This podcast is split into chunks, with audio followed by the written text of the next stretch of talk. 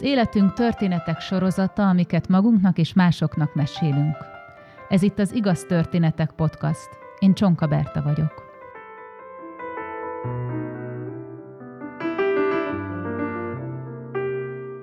A mai két történet az élet és a halál határán megélt élményekről szól. Van, hogy időben ráébredünk arra, hogy van választásunk. Ha az élet a cél, a zsigerből érezzük, vagy elmenekülünk, tovább megyünk, vagy visszafordulunk. Háború, menekülés, Miles Davis és Grappa. Máriás Béla minden körülmények között az életet választotta, és történetében az életigenlés iróniájával mesél a boldogságról. 1991. október 1-éről szól ez a történet. Ezen a napon én Belgrádban voltam, egy fürdőköpenyben, a tetőtéri szobámban, épp egy Miles Davis koncertet néztem a tévében, és hambas 33 eszéjét olvasgattam. Aznap voltam a Zeneakadémián, volt néhány órám, vártam az akkori élettársamat haza, tehát tulajdonképpen egy kellemes napnak volt ez a vége. Legalábbis annak tűnt abban a pillanatban, amikor váratlanul megcsördült a telefon, és hát anyámat hallottam, amint beleszól, hogy hát jöttek.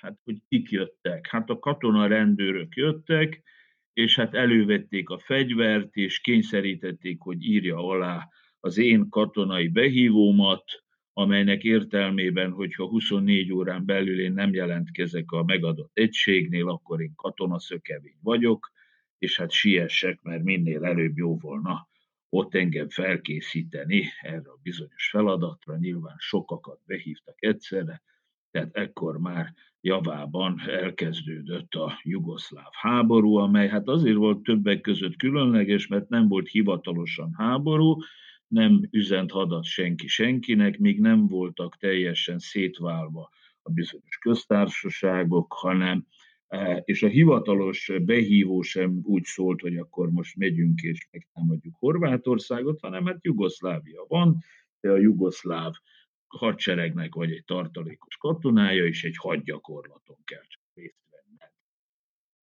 Hát eléggé meglepő volt ez a telefon, le is tettem, és hát elgondolkoztam azon, hogy egész jól éltem addig, végül is az egyetemi éveim elég kellemesek voltak, nagyon szerettem Belgrádban élni, nagyon színes város volt, jó koncertekkel, eh, színházi előadásokkal, kiállításokkal. Én is már állítottam ki Belgrádban és Újvidéken, Szabadkán.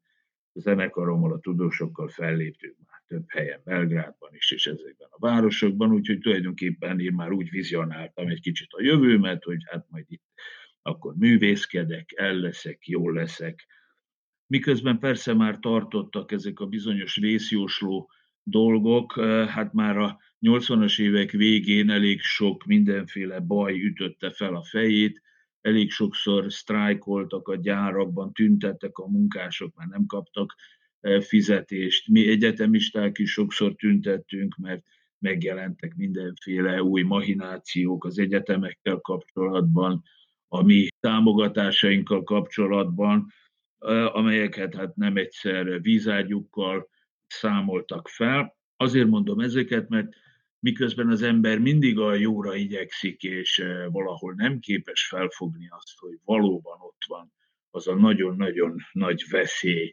amikor meg kell változtatni az életét, egyszerűen mi más tehetne, mint reménykedne hogy mégse, mégse valósul meg az a bizonyos dolog, nem tör be az ő életébe a háború, hanem élheti tovább a civil életét.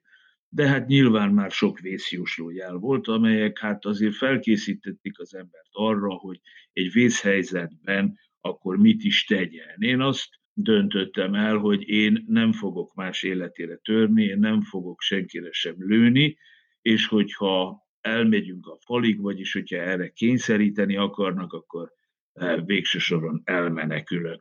Úgyhogy ebben a pillanatban ez a telefonhívás után nem tehettem mást, mint hogy Belgrádból valahogy megpróbáltam eljutni Újvidékig, amit sikerült is, miután egy kis doktortáskában, amit még az Ecserin vásároltam, beraktam néhány banális, de alapvető cuccot, fogkefét, zoknit, néhány kazettát és könyvet, és hát Újvidéknek vettem az irányt, Újvidéken egy félreeső parkolóba találkoztam az édesapámmal, aki még adott néhány kiegészítő cuccot az utazásomhoz, például hangszereket, vagy esetleg valami lehetőségem nyíljon egy ilyen huzamosabb eh, életre is, ha sikerül eljutnom az új helyre.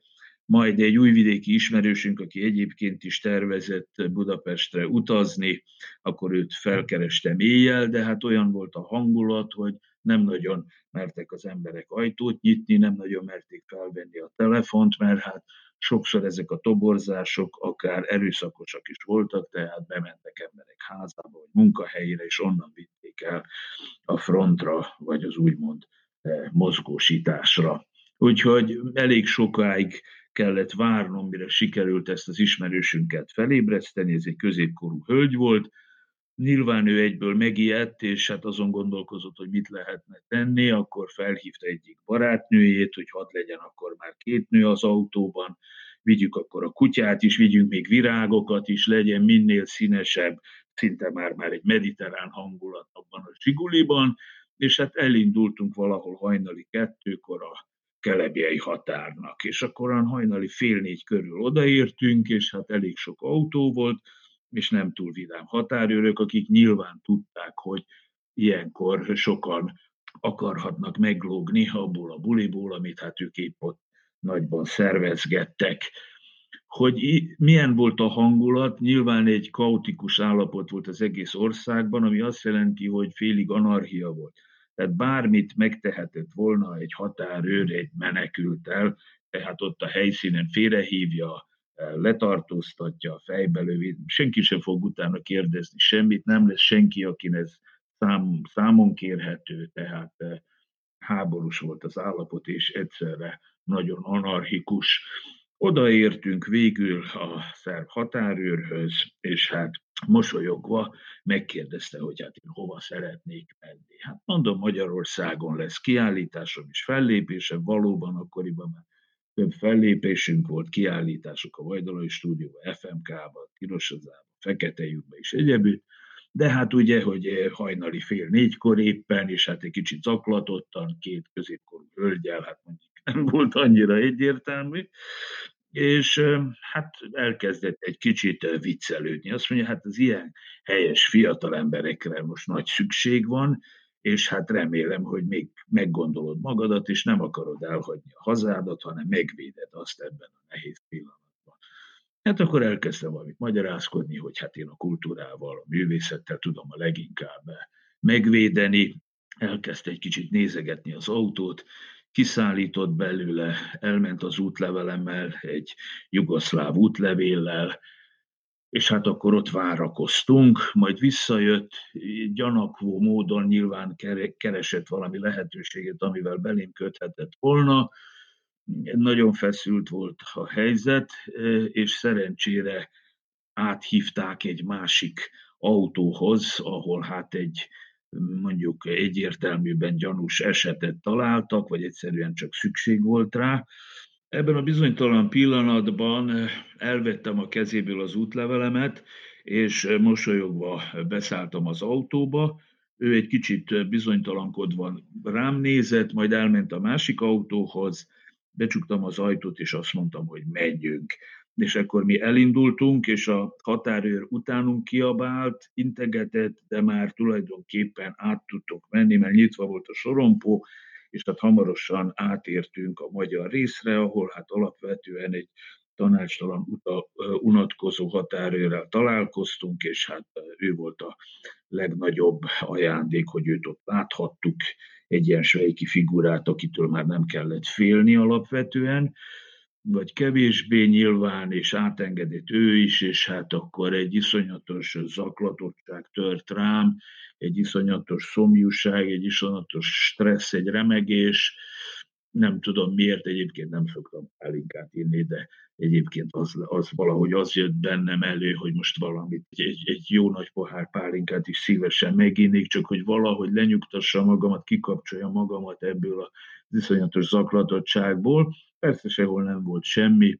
vásárolható, iható és egyéb, hanem folytattuk az utunkat, és a hajnali fényeknél megérkeztünk Budapestre, ahol hát én még akkor nem tudtam, hogy egy új életet fogok kezdeni, mert bizonytalan volt, hogy meddig tart a háború, milyen kimenetele lesz, esetleg visszatérek, tehát tulajdonképpen sokáig még abban a hitben éltem, hogy esetleg visszatérek, befejezem az egyetemet, az ottani élettársammal folytatjuk az életünket, terveinket és egyebeket. Ehhez képest budapesti barátoknál laktam, ilyen átmeneti jelleggel, kis szobákban, néha parkettán is aludtam, és néhány hónap múlva, miután az ilyen művészi, zenészi és egyéb lehetőségek kimerültek, hogy olyan irányba kellett volna mozdulni, hogy commerce jellegű dolgot csinálni, amit nem akartam tudatosan, akkor kitaláltam, hogy én angol oktatással fogok foglalkozni, és akkor azt elkezdtem, és hamarosan a Fehérházban is tanítottam, Martens Bakancsban és Ávós kabátban érkeztem meg az őrök nagy tanácstalan meglepetésére, és tulajdonképpen elkezdődött egyfajta beilleszkedés egy új környezetbe, ahol hát azóta vagyok. Így visszatekintve 30 év távlatából erre az éjszakára, a mai napig egy furcsa, megmagyarázhatatlan furcsa élmény, ahol hát nagyon sok minden a mai napig nem tudunk magunknak megmagyarázni. Az egyik ilyen lehetséges magyarázat, amely hát tulajdonképpen egy záróakord is lehet mindenre a vívódásra, hogy az embernek két hazája van, vagy hogy hol is szeretne élni, az épp az Adriai tengerparton ücsörögve és egy idős horvát bácsival beszélgetve jutott a látókörömbe, grappát ittunk este, néztük a csillagokat és a sötét tengert, és megkérdeztem, hogy hát Sime bácsi, boldog-e maga, megvan-e mindene, amit szeretne? Azt mondta, nézd, gyermekeim vannak, házam van, mindenem megvan, egy dolog hiányzik. Hát kérdezem, micsoda? Hát egy olyan 30 méteres talapzaton egy 10 méteres Milosevic szobor. Mondom, most viccel velem? Azt mondja, hogy nem. Végül is, ha nem lett volna Milosevic, akkor most nem volna szabad Horvátország, és ő neki nem volna olyan békéje a tengerparton, és nem tudnánk így grappázgatni. Hát lehet, hogy akkor én is egy hasonló emlékműben gondolkodhatnék. Egyszerűen, hogy minden rossz mellett mind valami jó is felderenket az emberben. Tehát egy olyan új környezetben élek, ahol amelyet szeretek, ahol jól érzem magamat, és ahol azt tudom csinálni, amit szeretnék, úgyhogy lehet, hogy majd én is kisebb Milosevic szobrok farigcsálásával fogok foglalkozni, egy festményt készítettem róla, az megvan, még senki sem akarta megvásárolni, úgyhogy átmenetileg addig azt nézegethet. Máriás Béla, művész nevén Dr. Máriás, zenészként és festőművészként egyaránt népszerű a Tudósok Együttes vezetője. Énekel, trombitán, harsonán, szaxofonon játszik. Dr. Máriás festőként is legalább ilyen ismert és elismert. Festményei számos magángyűjteményben megtalálhatók. Akik ártatlanul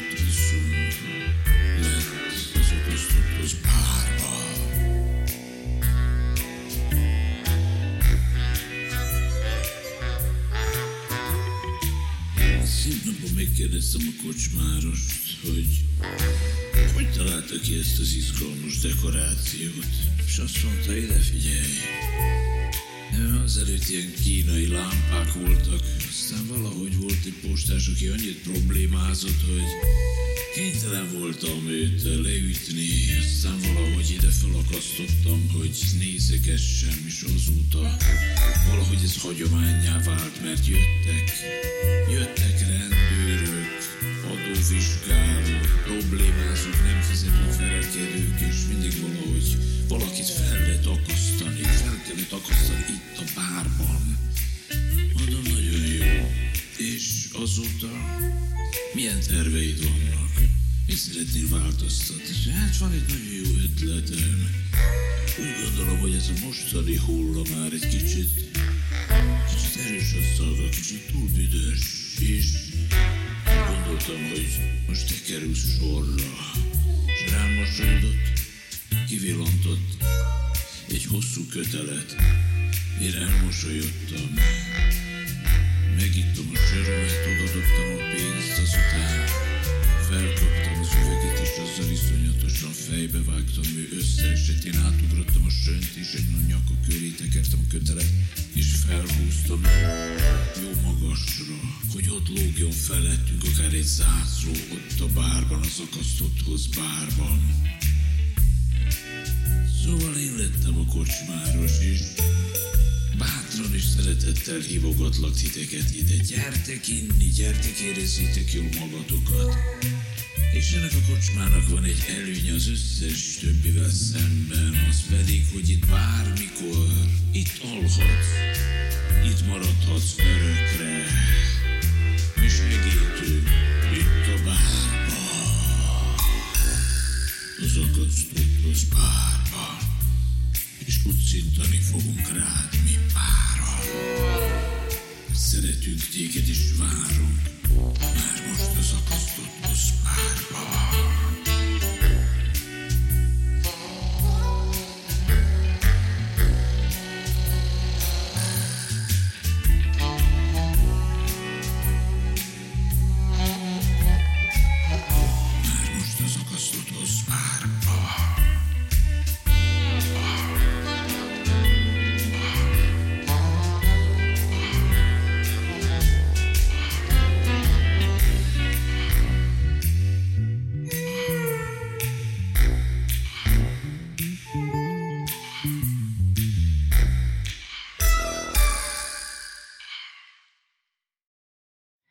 frissen házasodott pár gyakorlott hegymászók az osztrák Alpokban 2000 méter magasban drámai helyzetbe kerülnek.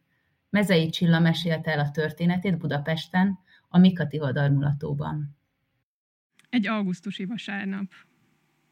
Reggel, 9 óra magasságában, 2000 méteren a Wilderkaiser hegységben a Predikstúl nevű csúcsra tartunk Misivel, aki egy hónapja a férjem.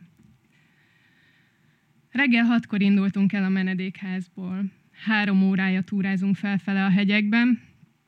A zöldövezetet már bőven magunk alatt hagytuk. Minden kicsit zort idefenn. Misi a sziklafal tövében keresni kezdi az utunkat, amit kinéztünk, hogy mászni szeretnénk. Alig három-négy méterre van tőlem légvonalban, pont szembe velem.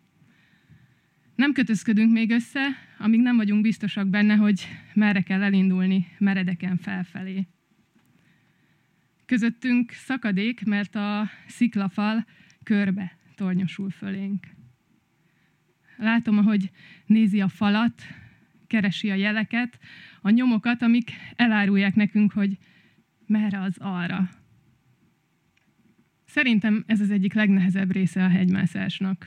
Jó helyen elindulni. Hirtelen kiáltást hallok.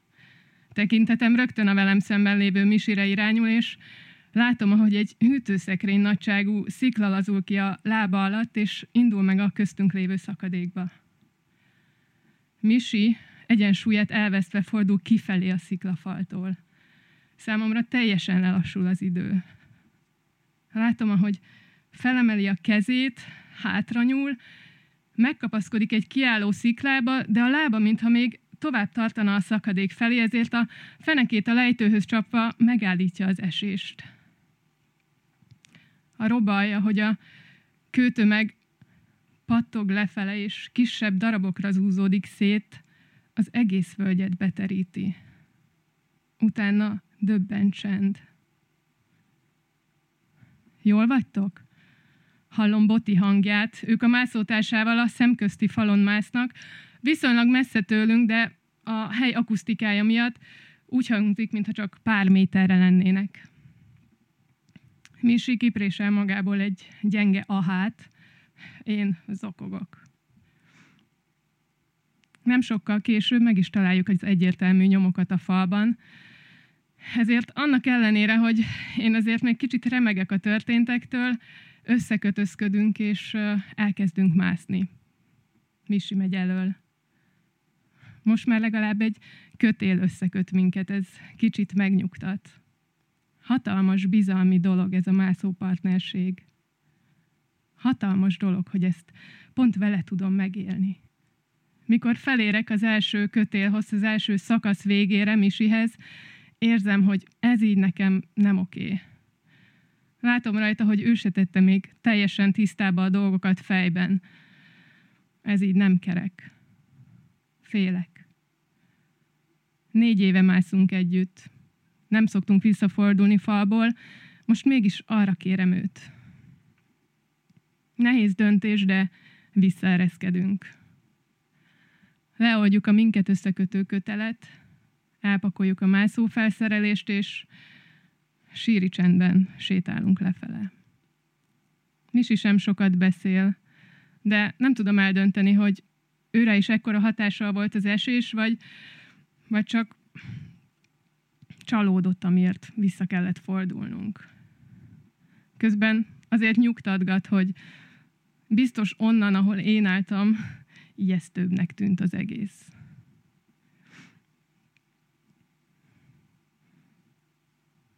Én nem tudok nem az esésre gondolni. Cikáznak a gondolataim. Mi történt volna, ha bő egy hónappal ezelőtt az eset előtt házasodtunk össze? A lánykérés is egy csúcson volt, 3089 méter magasan. Emlékszem, ott is leginkább őt féltettem. Egy két-három négyzetméternyi csúcsot képzeljetek el, törmelékes sziklával, ő meg térdre akart ereszkedni. Én meg csak azt mondogattam, hogy le ne le fogsz esni, legalább köst ki magad a kereszthez. Kikötötte. Letérdelt. Igent mondtam. Sokáig kerestem őt, és különösen szerencsésnek érzem magam, hogy megtaláltam, és hogy a hegyek világába is együtt szerettünk, tanulhattunk, és szokhattunk bele. A közös mászás azt gondolom, hogy a párkapcsolatok tűzpróbájának is lehet tekinteni. Annyira kihegyezett, pengeélen táncoló szituációkban találja magát az ember a párjával, kvázi a semmi közepén, vagy tetején, hogy biztos vagyok benne, hogy ez kihozza mindenki őszinte, állarctalan ényét. Amikor tényleg csak a lecsupaszított ember állott veled szemben, netán mindketten pattanásig feszült hangulatban vagytok, és meg kell oldanatok egy szituációt, egy hirtelen felmerülő problémát, és egymás támaszai kell, hogy legyetek. Amikor fel kell ismernetek, hogy ebbe a pillanatban még most belefér az egóharc, vagy sokkal fontosabb, hogy a másik megnyugodjon, és azt érezze, itt vagyok támaszként, egy csapat vagyunk, együtt mindent megoldunk. Azt gondolom, ez sok mindenre felkészíti azt a két embert, ami a jövőre nézve várhat rájuk.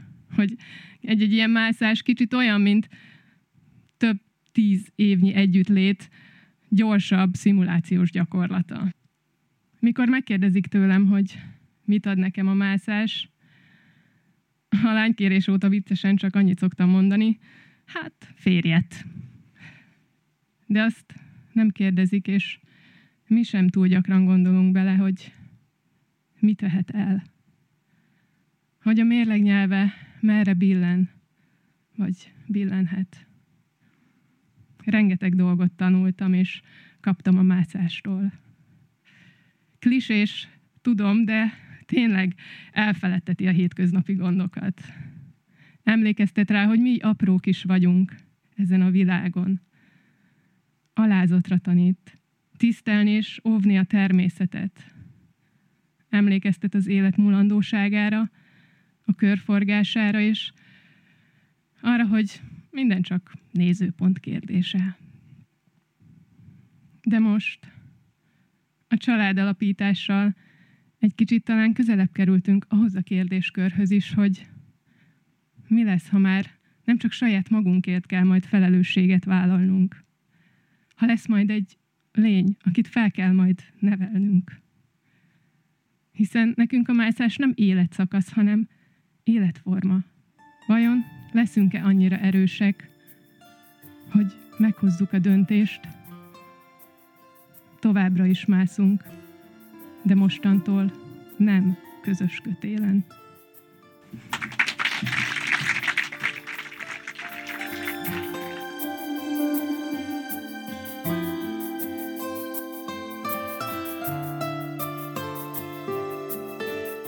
Csilla érdeklődésünkre ezt írta a története utóéletéről.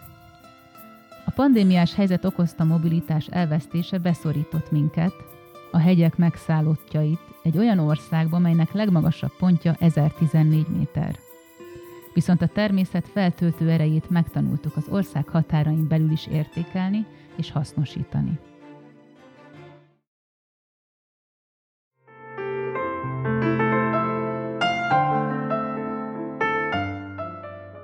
Mindenkinek vannak sorsfordító, képtelen, megható vagy mulatságos történetei. Nem vagy se túl fiatal, se túl öreg ahhoz, hogy te is mesélj egy történetet nekünk. Írd le egy oldalon, vagy vedd fel a mobilodon két percben, és küld el az igaz történetek kukacpodcaster.hu e-mail címre. Várjuk! Kövess bennünket a Facebookon, igaz történetek egybeírva, és ha tetszik, oszd meg barátaiddal. Biztos ők is szeretni fogják. Ha nem szeretnél elszalasztani egy epizódot sem, iratkozz fel az Igaz Történetek podcastra kedvenc lejátszódban. Producer Heller Gábor